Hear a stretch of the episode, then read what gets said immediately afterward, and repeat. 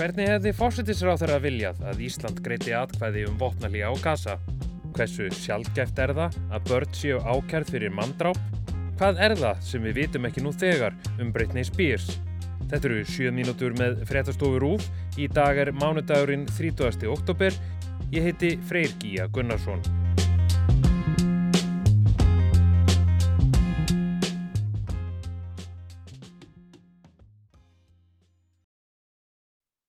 The result of the vote is as follows. Þetta er augnablikið þar sem niðurstaða lág fyrir í atkvæðagreðslu allsýraþings saminuðu þjóðana um álygtun varðandi tafarlaust vopnalí á Gaza.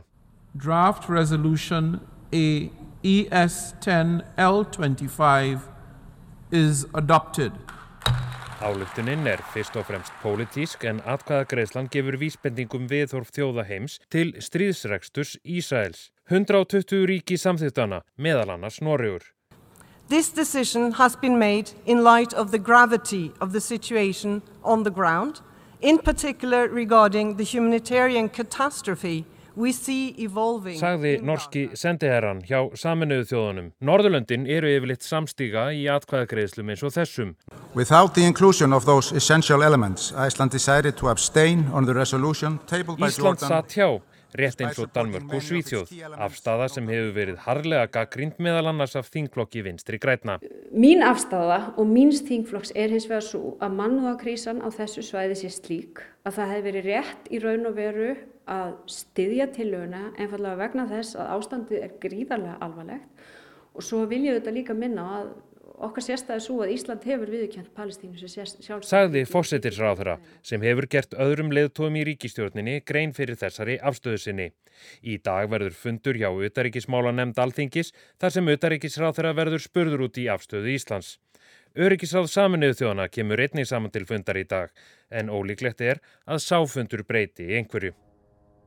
Og meðan að leittóar ríkja eru svona híkandi og, og stíga varlega til jarðar, þá eikst þrýstingurinn frá fólkinu sem er að mótmæla við um heim og, skora á, stjórnvöld að, að taka annan kurs. Arnar Björnsson fylgdist með átökunum í gær. 450 árásir voru gerðar á skotmörk þar sem að Ísæðismenn segja að, að Hamas liðar hafi hreirað um sig og eins og staðinni núna þá virðist ekkert benda til þess að þessu fariði ljúka.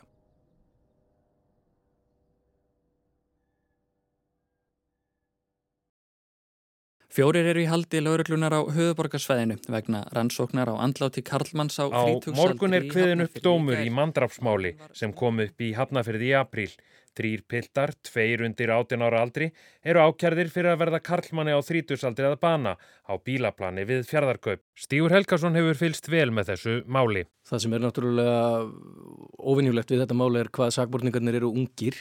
Það er ekki nema einn orðin 18 ára þegar Árásson er framvinn og hinn, er, hinn þrjú eru yngri.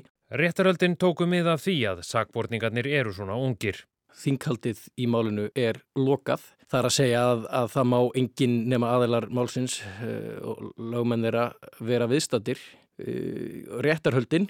Lítið er því vitað hvað gerðist þetta kvöld. Við vitum, ég sjálfur sér óskup lítið annað en það sem kom fram bara frá lögreglu og, og verjandum í upphafi og síðan það sem stendur í ákerunni sem er svo þokkalega ídarleg og í einhverjum einum eða tveimur gæsluvaraldsúrskurðum sem hafa byrst ofnbærlega. En allt það sem að framkomi réttarhöldin, allur framburður, sakborningana, vittnana, lögreglunar og annara um, um með svona smáatriðum um aðdragandan og hvað þarna gerðist, við, við vitum ekkert um það og, og fáum kannski að vita eitthvað um það þegar, þegar og ef dómurinn er svo byrtur í vikunni. Verði ungmennin sakveld hefur aldur þeirra líklega áhrif á hversu þungandóm þau fá. Í öllum þeim tilvikum þar sem að sakbortningar eru um eða undir 18 ára, bönnað aldrei í skilningi laga, þá hefur það í nánast öllum tilvikum áhrif til refsilækkunar. Það eru til dæmi, ég var nú eitthvað tíma að skoða þetta og þá var dómur eitthvað tíman bara fyrir sko 40-50 árum. þar sem að 18 ára fylgtur bara svona tók mann af lífi skautan held ég þrísvarsinnum. Hann fekk 16 ára dóminn, það er nánast eina dæmið um það að svona ungur gerandi fái fulla refsingu fyrir svona brot sem ég fundið.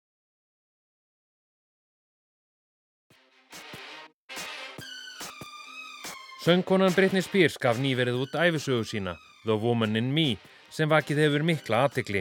Bókin er mikið uppgjör söngkonunar við fjölskyttu sína. Þarna fáum við alla söguna og alveg frá því að hún var einmitt táningur og einmitt aftur og, og fjölskyldan er svona rauði þráðurinn í gegnum bókina um sko einmitt þetta allt sem að fæðurinnar hefur yfir henni og hún tala líka um sýstur sína og erfiða samband sem hann átti við hana. Hún segir að sýstur hennar var svolítið kunni ekki gott að meta. Brittany kefti húshandinni og sýstur hennar kunni ekkert að meta það og tók eiginlega svona þátt í ofbeldinu með föður hennar. And my little sister.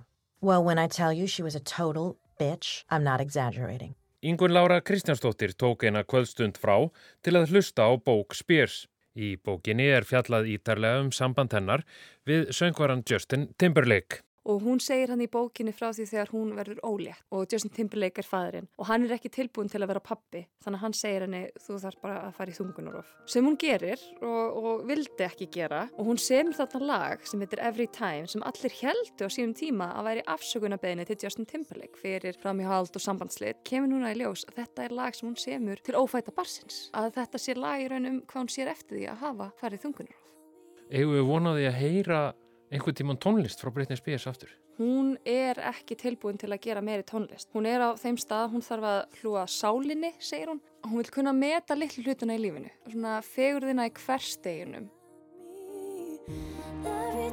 Þetta voru sjö mínútur með fréttastofu Rúf, næst í þáttur verður á miðugudag. Þú getur nálgast frétti Rúf á hlaðvarpsveitum, TikTok og Instagram og alltaf á rúf.is í útvarpi og sjómarpi.